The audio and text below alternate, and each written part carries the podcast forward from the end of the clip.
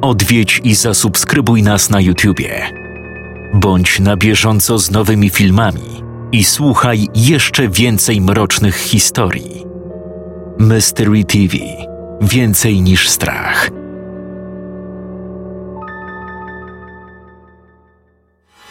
W ósmej edycji Creepy Wyzwania bierze udział 16 autorów, którzy zostali podzieleni na cztery grupy. Po prezentacji opowiadań z danej grupy odbędzie się głosowanie, które wyłoni autorów przechodzących do kolejnego etapu. W tym miesiącu prezentujemy opowiadania grupy D.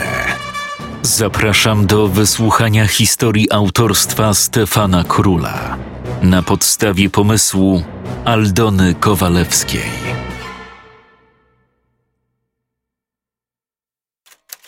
14 maja 1983 roku. Kraków. Więzienie Montelupich. Godzina 17.40.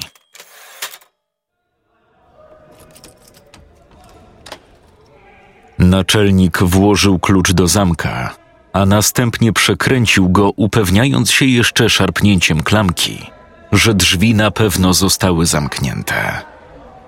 Następnie wskazał dłonią przybyłemu na miejsce prokuratorowi schody, którymi zejdą dwa piętra niżej, do piwnicy. Jego gest nie był wskazaniem drogi, bo ten znał ją doskonale. Było to raczej zaproszenie. Po chwili dotarli na miejsce. Szli długim korytarzem w milczeniu. Nie było tutaj okien – a jedynym źródłem światła były wkręcone w sufit żarówki. Minęli jakiś magazyn, w którym przechowywano uszkodzone lub wymagające naprawy elementy wyposażenia stoliki, krzesła, ławki. Dalej mieściło się pomieszczenie z miotłami, wiadrami, wszelkiej maści szczotkami. Na samym końcu widać było jedyne otwarte na oścież drzwi to tak zwana poczekalnia. Naczelnik z prokuratorem wchodzą do środka i lekkim skinieniem głowy witają się z pięcioma strażnikami, którzy otoczyli stojącego w centrum mężczyznę. Był średniego wzrostu, a długie i przetłuszczone włosy miał zaczesane do tyłu. Jego nogi oraz nadgarstki krępowały metalowe kajdanki. Nie wyglądał na swój wiek – z dokumentów, które prokurator trzymał w dłoni, wynikało, że mężczyzna miał 45 lat. Natomiast teraz śmiało można byłoby dać mu dodatkowe 20. Szara, pokryta licznymi zmarszczkami cara, podkrążone i napuchnięte oczy oraz zarost mocno zaniedbany tworzyły idealny obraz wraka człowieka. Mężczyzna był spokojny, nie panikował nie skamlał, nie płakał ani nie krzyczał. Po prostu stał. I co zaskoczyło prokuratora, pewnie patrzył mu w oczy. Bardzo często skazańcy w takich chwilach zachowywali się żałośnie. Nagle instynkt brał górę. Błaganie, przepraszanie wszystkich za wszystko, zgrzytanie zębami. Taką beznamiętną i pewną postawę spotkał w swojej karierze tylko dwa razy. U wypranych z emocji, zimnych, chorych i bezwzględnych psychopatów, którzy do samego końca chcą pokazać, że są ponad innymi. Prokurator otworzył tekturową teczkę, a następnie spojrzał na leżącą z wierzchu pojedynczą kartkę z kilkoma zapisanymi na maszynie zdaniami. Wyrok w imieniu Polskiej Rzeczpospolitej Ludowej z dnia 25 stycznia 1983 roku.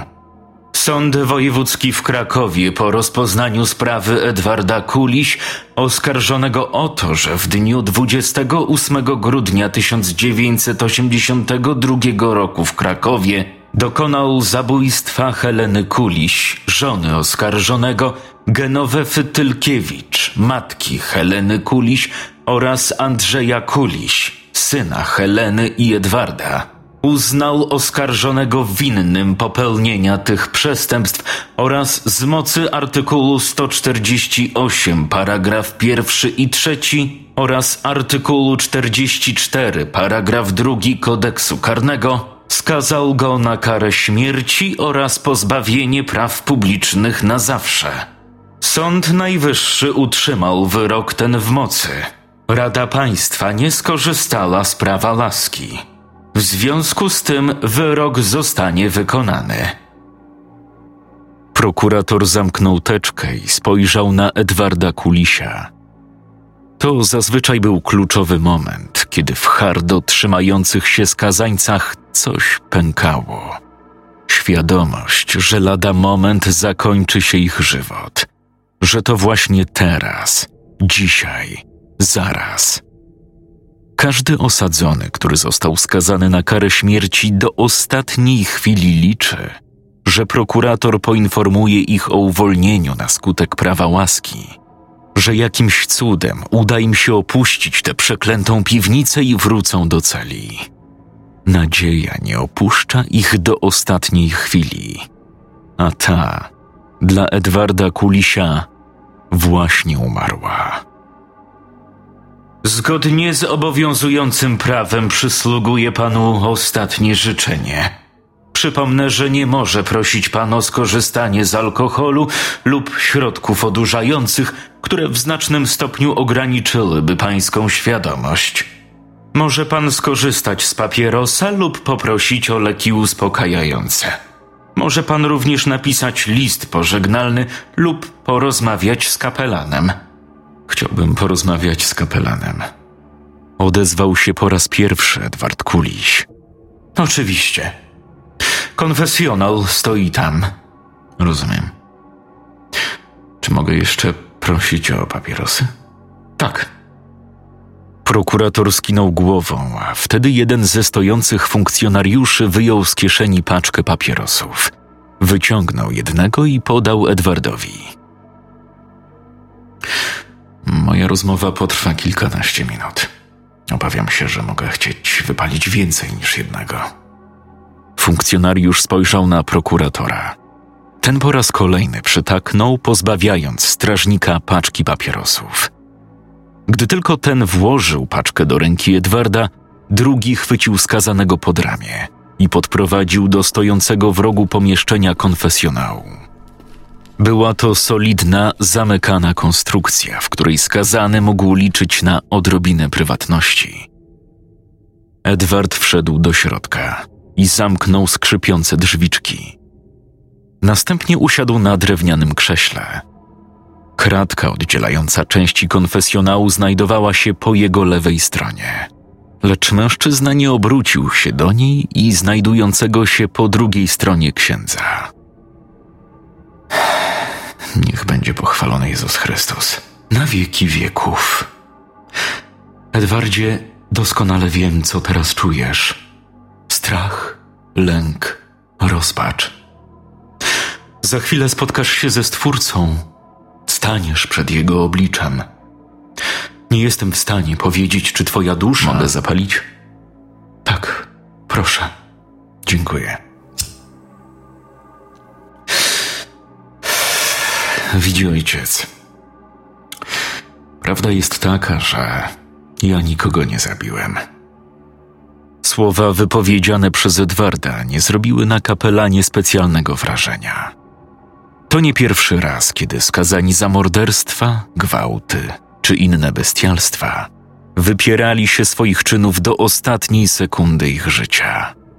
Edwardzie, jeśli Twoim zamiarem jest, abym w jakikolwiek sposób wpłynął na decyzję sądu, rady czy prokuratury, to niestety, ale nie taka jest moja rola. Moją rolą jest przybliżyć Cię do spotkania z Panem Bogiem.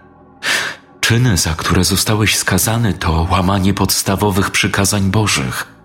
To pakt z szatanem.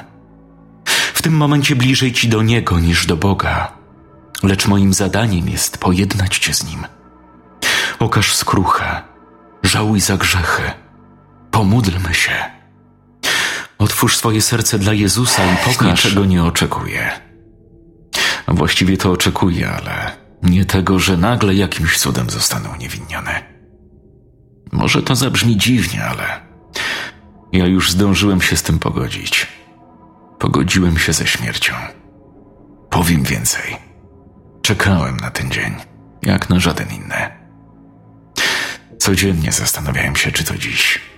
Czy strażnik, który zaprasza mnie na papierosa, zaprowadzi mnie schodami na sam dół? Czy to dziś stanę oko w oko z prokuratorem i usłyszę, że to koniec? Że za chwilę dobiegnie kres moich męczarni. Pogodzenie się ze śmiercią to ważny element naszego życia, bo przecież każdego z nas to spotka. Tu nie chodzi o pogodzenie się z nią. Nie? Nie. Pogodziłem się już dawno temu. Tu chodzi o ulgę. Dla mnie większą karą było siedzenie w tej celi. Spędzanie każdego dnia i zastanawianie się, dlaczego to się stało. Dlaczego jestem tu, gdzie jestem? Nie do końca chyba rozumiem. Wszystko sprowadza się do tego, co powiedziałem na samym początku. To nie ja zabiłem swoją rodzinę. Kto w takim razie to zrobił? Obawiam się, ojcze, że gdybym to wiedział, to nie rozmawialibyśmy teraz. Rozumiem. Dobrze, powiedz mi w takim razie, jak to się stało. Co się wydarzyło? Jak ty to widzisz? Jak ty to zapamiętałeś? Powiem. Właśnie dlatego poprosiłem o tę rozmowę. Nie potrzebuję modlitw ani rozgrzeszenia. Modliłem się codziennie. Rozmawiałem z Bogiem przez wiele nieprzespanych nocy. On wie, co się stało. Wie, kto zamordował moją rodzinę. I wie, że ja jestem niewinny. Dlatego nie boję się śmierci. Nie boję się stanąć na tym podejście ze sznurem na szyi. Nie boję się, bo wiem, że to jedyna droga, by spotkać się ponownie z moją rodziną. W konfesjonale zapadła cisza. Kapelan czuł się lekko zdezorientowany. Oczywiście przez lata posługi spotkał się z przeróżnymi formami spowiedzi i równie odmiennymi postawami osób, których słuchał. Wiedział, że te kilkanaście minut to jest ich czas. Oni muszą powiedzieć to, co leży im na sercu, a jego rolą było ich po prostu wysłuchać. To był grudzień. Śnieg sypał niemiłosiernie. Byłem na nocce w hucie. Od początku wydawało mi się, że coś jest nie tak, że coś dziwnego się u nas dzieje. Widzi ksiądz, mieszkaliśmy w niewielkim domku nieopodal lasku. Ja, moja Hela, jej matka i nasz Andrzejek. Nie byliśmy zamożni, ale wiadomo, nie mogliśmy też narzekać. W hucie pracowałem ciężko, ale płacili dobrze. Zmianę zaczynałem o dziesiątej wieczorem. Zazwyczaj wychodziłem godzinę wcześniej, żeby dojechać autobusem na miejsce. Najpierw tego dnia była ciemność. Ciemność. Te. Wyłączyli prąd. Jakoś po szóstej wieczorem. A wie ojciec, jak szybko robi się ciemno w grudniu, prawda? Dlatego w domu po prostu zapanowała ciemność. Z początku myślałem, że to jakaś awaria. Rachunki zawsze Hela płaciła na czas. Nie było mowy o odcięciu. Po prostu zwykła awaria. Czasami tak się zdarzało. Dlatego mama trzymała zawsze w kredensie świece, tak na wszelki wypadek. Zapaliła je. Ja poszedłem sprawdzić korki. Wszystko było na swoim miejscu. Dopiero gdy wyszedłem na ulicę, odkryłem, że coś jest mocno nie tak. Co takiego się stało? Wiadomo, sąsiadów mamy. Nie dom w dom, kilkanaście metrów trzeba podejść. Obok wolne działki były, ale już podobno ktoś się kupił. Nasz dom pewnie też już sprzedany. Wyburzą i będą stawiać te bloki. Tak jak mówiłem, wyszedłem na podwórko. Chciałem zobaczyć, czy u sąsiadów też jest ciemno. Nie było. U Kwiatkowskich paliło się normalnie. U Krasuckich tak samo. Żeby było jeszcze ciekawiej, paliły się na ulicy wszystkie latarnie, te przy drodze. Wszystkie. Poza dwoma przed naszym domem. Rozumie ksiądz, o co mi chodzi? Jakby prąd odcięto tylko i wyłącznie na naszym terenie. Tak. To rzeczywiście dość dziwne, ale zapewne istniało jakieś wytłumaczenie. Hm, Oczywiście, że istniało. Za domem miałem niewielki agregat. Znajomy przywiózł z Niemiec na handel. Kupiłem za bezcen, żeby w razie takich sytuacji mogło nas poratować. Nie brałem świecy, bo raz dwa by mi zgasła. Poszedłem na tył. Niestety nie miałem żadnej latarki. Agregat był, jakby to powiedzieć, totalnie zniszczony. Wyglądał tak, jakby najzwyczajniej w świecie się przepalił. Wystarczyło podejść, a już buchało gorąco od niego. Z kratek się dymiło, syczało i skwierczało. Nie mam pojęcia, jak do tego doszło. Nie wiem po prostu, jak to się stało. Przecież nie był uruchomiony. No, widocznie musiało nastąpić jakieś zwarcie. Być może warunki pogodowe doprowadziły do jakiegoś spięcia. Nie, nie, nie, nie. Żadne warunki pogodowe. Gdy tak stałem przy tym agregacie i zastanawiałem się, co takiego się tu stało, usłyszałem po chwili ciche sapanie. Sapanie? Ta, takie dziwne, przerażające. Sam nie wiem, czy to z zimna, czy strachu, ale pamiętam doskonale, jak przyszedł mnie dreszcz. Uniosłem głowę w kierunku drzew, aby zobaczyć, co to. Myślałem, że to jakieś zwierzę, wilk, dzik. Nie wiadomo. Czasami pałętały się bez powodu to tu, to tam. I co zobaczyłeś? No właśnie nic. Nie zobaczyłem zupełnie nic. Jednak cały czas doskonale słyszałem to dziwne sapanie. Nie przypominam sobie, abym kiedykolwiek słyszał coś podobnego. Stałem nieruchomo i nasłuchiwałem, a jednocześnie starałem się wychwycić wzrokiem to, co wydawało z siebie ten dźwięk. Nic. Ciemność. Czarna ściana to jedyne, co widziałem. A sapanie cały czas dudniło mi w uszach. Wie ksiądz, co w tym wszystkim było najgorsze? To sapanie nie dochodziło z oddali. Ono było jakby obok. Jakby to coś znajdowało się jakieś dwa, góra trzy metry ode mnie. Czasami w chwilach stresowych umysł potrafi płatać na mnie złe figle. Nie, ojcze, to nie żadne figle. To coś, czego sam nie potrafię wyjaśnić ale doskonale wiem, co słyszałem i co widziałem, a raczej czego nie widziałem. Jak dalej potoczyły się sprawy? No właśnie, to też jest zaskakująco dziwne. Nagle kątem oka dostrzegłem światło. Obróciłem się i zobaczyłem, że zarówno latarnie, jak i lampy w domu się świecą. Stałem tak może pięć, dziesięć sekund i znowu obróciłem się w kierunku drzew ale nie słyszałem już nic. Żadnego sapania. Zero. Jakby nagle to coś rozpłynęło się wraz z powrotem światła. Być może było to jakieś zwierzę, które najzwyczajniej w świecie zostało spłoszone tym nagłym błyskiem światła. Może. Też tak wtedy pomyślałem. Wróciłem do domu, a Hela od razu do mnie woła, że mama się źle poczuła że zakręciło się jej w głowie i omal nie upadła. Że właśnie miała po mnie biec, lecz ja akurat w tym czasie wszedłem do środka. Na to też z początku miałem wytłumaczenie. Hucie pracował z nami taki Marian. Zawsze był w takich goglach ochronnych, jak do spawania. Któregoś razu zdjął je, tak jak robił to naście razy każdego dnia. Ale nagle pobladł. Podparł się o barierkę i usiadł też mówił, że zakręciło mu się w głowie i że się źle poczuł. Później powtarzało się to parę razy i w końcu lekarze zdiagnozowali mu jakąś chorobę. Jakiś światłowstręt i jeszcze inne cudawianki. Nie pamiętam dokładnie co. Ale chłopina odszedł z pracy, a kilka dni później powiesił się. Panie Boże, miej go w swojej opiece. W każdym razie poszedłem do kuchni, żeby zrobić jej herbatę. Hela zaprowadziła ją na wersalkę, położyła.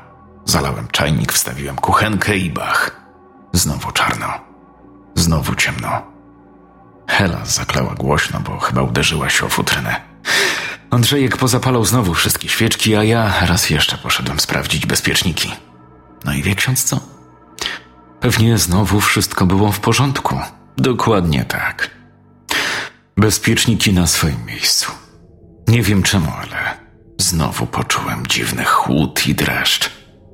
Wiedziałem, że agregat nadaje się tylko na złom, ale mimo to czułem, że muszę wyjść. Powiedziałem Heli, że idę sprawdzić, czy agregat działa, bo nie mówiłem jej, że dziwnym trafem się spalił. Andrzejek zapytał, czy potrzebuje pomocy i czy ma iść ze mną. Nie wiedziałem, co spaliło agregat. Nie wiedziałem, co wydawało z siebie te dziwne odgłosy. Dlatego uznałem, że najlepiej będzie, jak zostanie w domu. Sam wyszedłem i od razu skierowałem się do ogrodu. Tylko wyszedłem za budynek i od razu to usłyszałem. Sapanie? Tak. Lecz tym razem głośniejsze. Jakby agresywniejsze i bliższe. Nawet nie podchodziłem do agregatu. Wiedziałem, że nie ma sensu. To coś wróciło. Było nadal. Sapało i warczało. Miałem wrażenie, że jest tuż obok, dosłownie przede mną, lecz rozglądając się dookoła, widziałem tylko ciemność. Nic więcej. Żadnego zwierzęcia. Nic. Czasami nie ojcze. Nie czasami. W tym momencie moje tłumaczenia przestały działać. Nie było nic, co mogłoby wytłumaczyć to dziwne zjawisko. Stałem tak przez chwilę, jak sparaliżowany. Dosłownie. Bałem się. Nie wiedziałem, czy to coś nie rzuci się na mnie, gdy zrobię krok w tył. Czyli mimo wszystko dalej brałeś pod uwagę to, że mogło być to jakieś dzikie zwierzę. Chyba tak mi podpowiadał instynkt. Oczami wyobraźni widziałem jakiegoś groźnego wilka, ale tak się złożyło, że z tymi stworzeniami miałem parę razy kontakt i nigdy żaden nie wydawał z siebie takich dźwięków. Nie wiem, ile to trwało. Mogłem tam stać minutę, a równie dobrze mogło to być dziesięć. W pewnym momencie znowu błysnęły światła. Latarnie zaczęły świecić, a przestrzeń wokół mnie spowił blask dochodzący z domu. A sapanie, tak jak poprzednim razem ustało. Cisza. Bez chwili zastanowienia wróciłem do domu, niemalże biegiem. Hela wołała, że mama znowu zasłabła, że kręci jej się w głowie. Dziwnie się czuje i chyba ma gorączkę. Chcieliśmy wzywać pogotowie, ale mama uspokajała, że to nic takiego, że to chwilowa słabość, nic jej nie boli i zaraz jej przejdzie. No i faktycznie przeszło. Po dwudziestej zachowywała się normalnie. Wstała, zjadła kolację. Wszyscy zapomnieli o chwilowych zanikach prądu. Wszyscy, poza mną. W głowie miałem tylko jedno. To dziwne sapanie. Nie dawało mi ono spokoju. Cały czas głowiłem się, co to takiego. Jeszcze ten cholerny agregat. Ach, przepraszam, nie szkodzi. Za chwilę musimy kończyć. Rozumiem. Proszę jeszcze o kilka minut. Prokurator nie odpowiedział. Sądząc jednak po dźwięku oddalających się kroków, zgodził się. Edward wyjął kolejnego papierosa i zapalił. Poszedłem do pracy.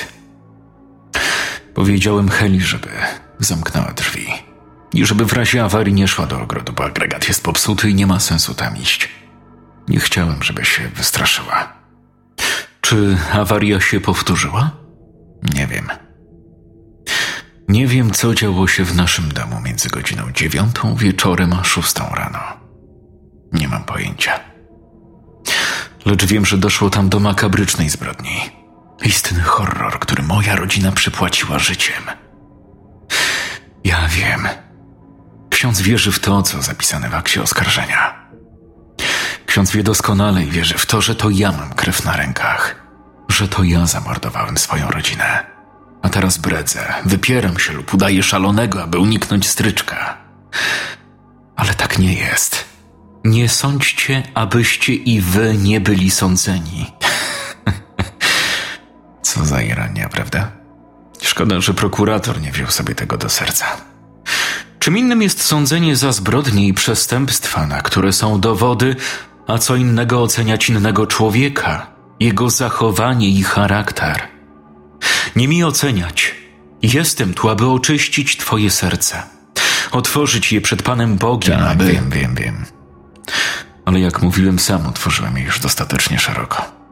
Chcę jedynie, aby ksiądz wiedział i o tym pamiętał.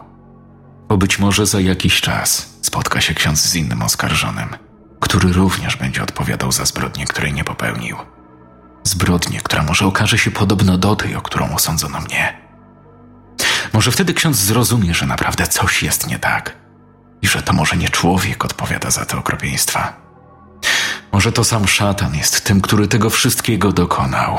Dobro i miłość to Bóg, który objawia się w każdym z nas.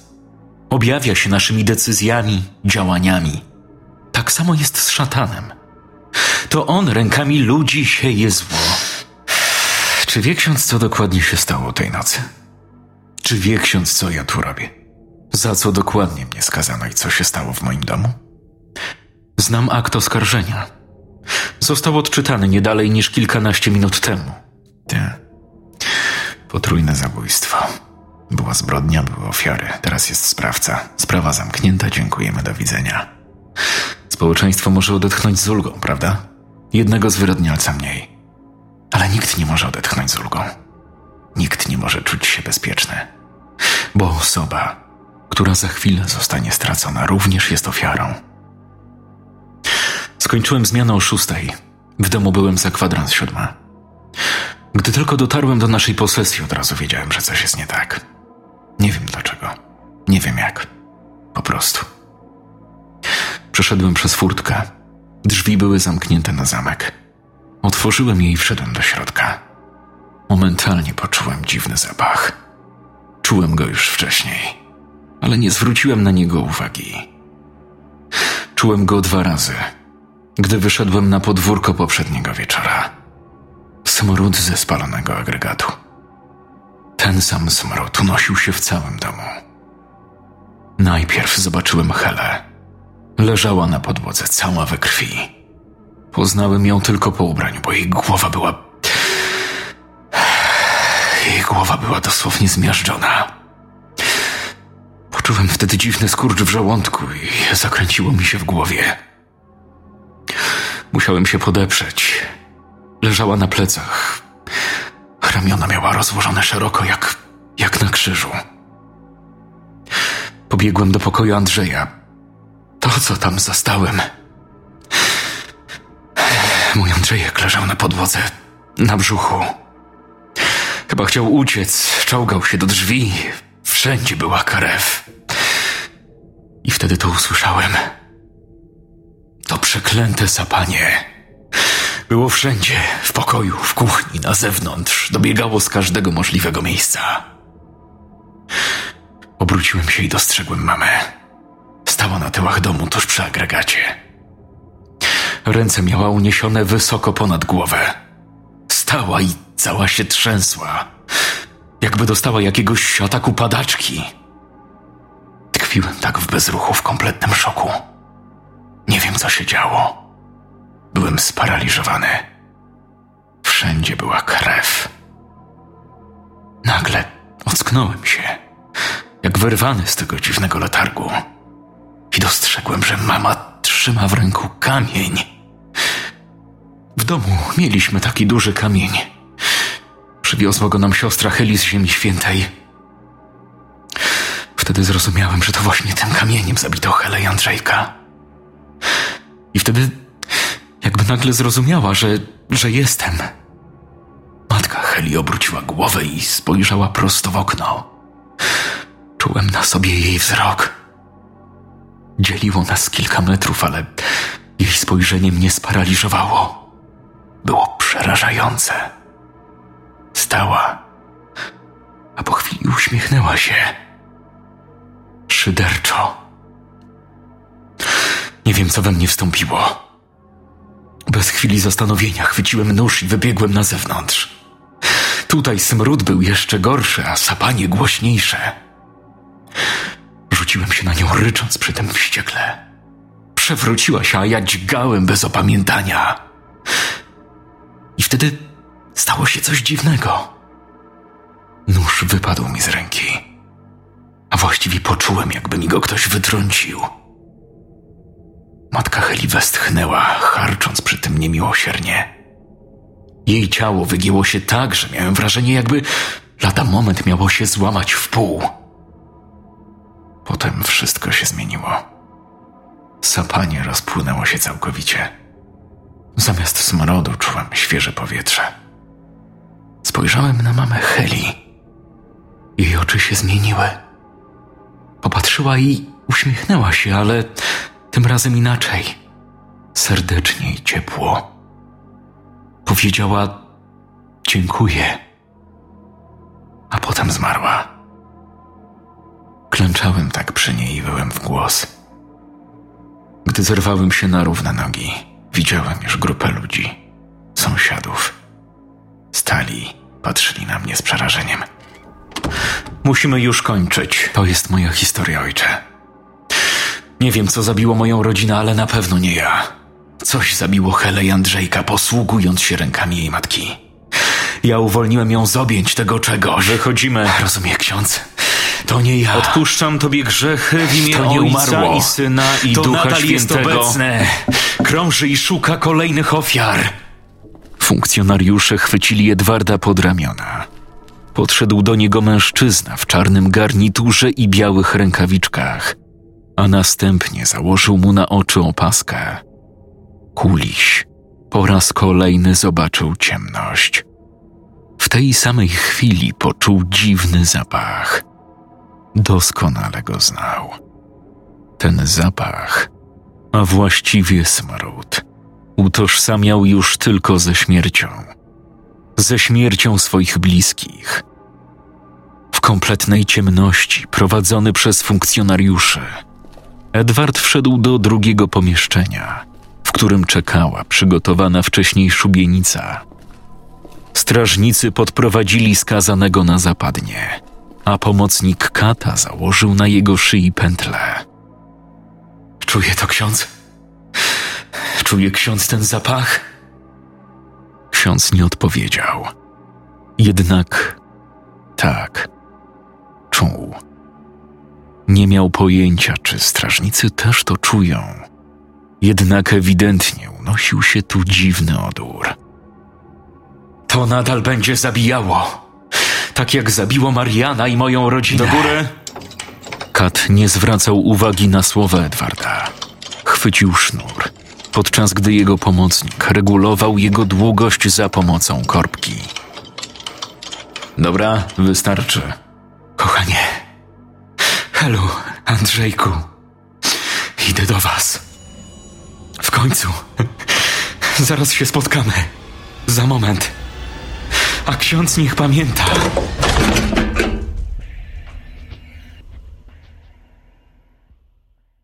Scenariusz Stefan Król. Czytał Jakub Rutka.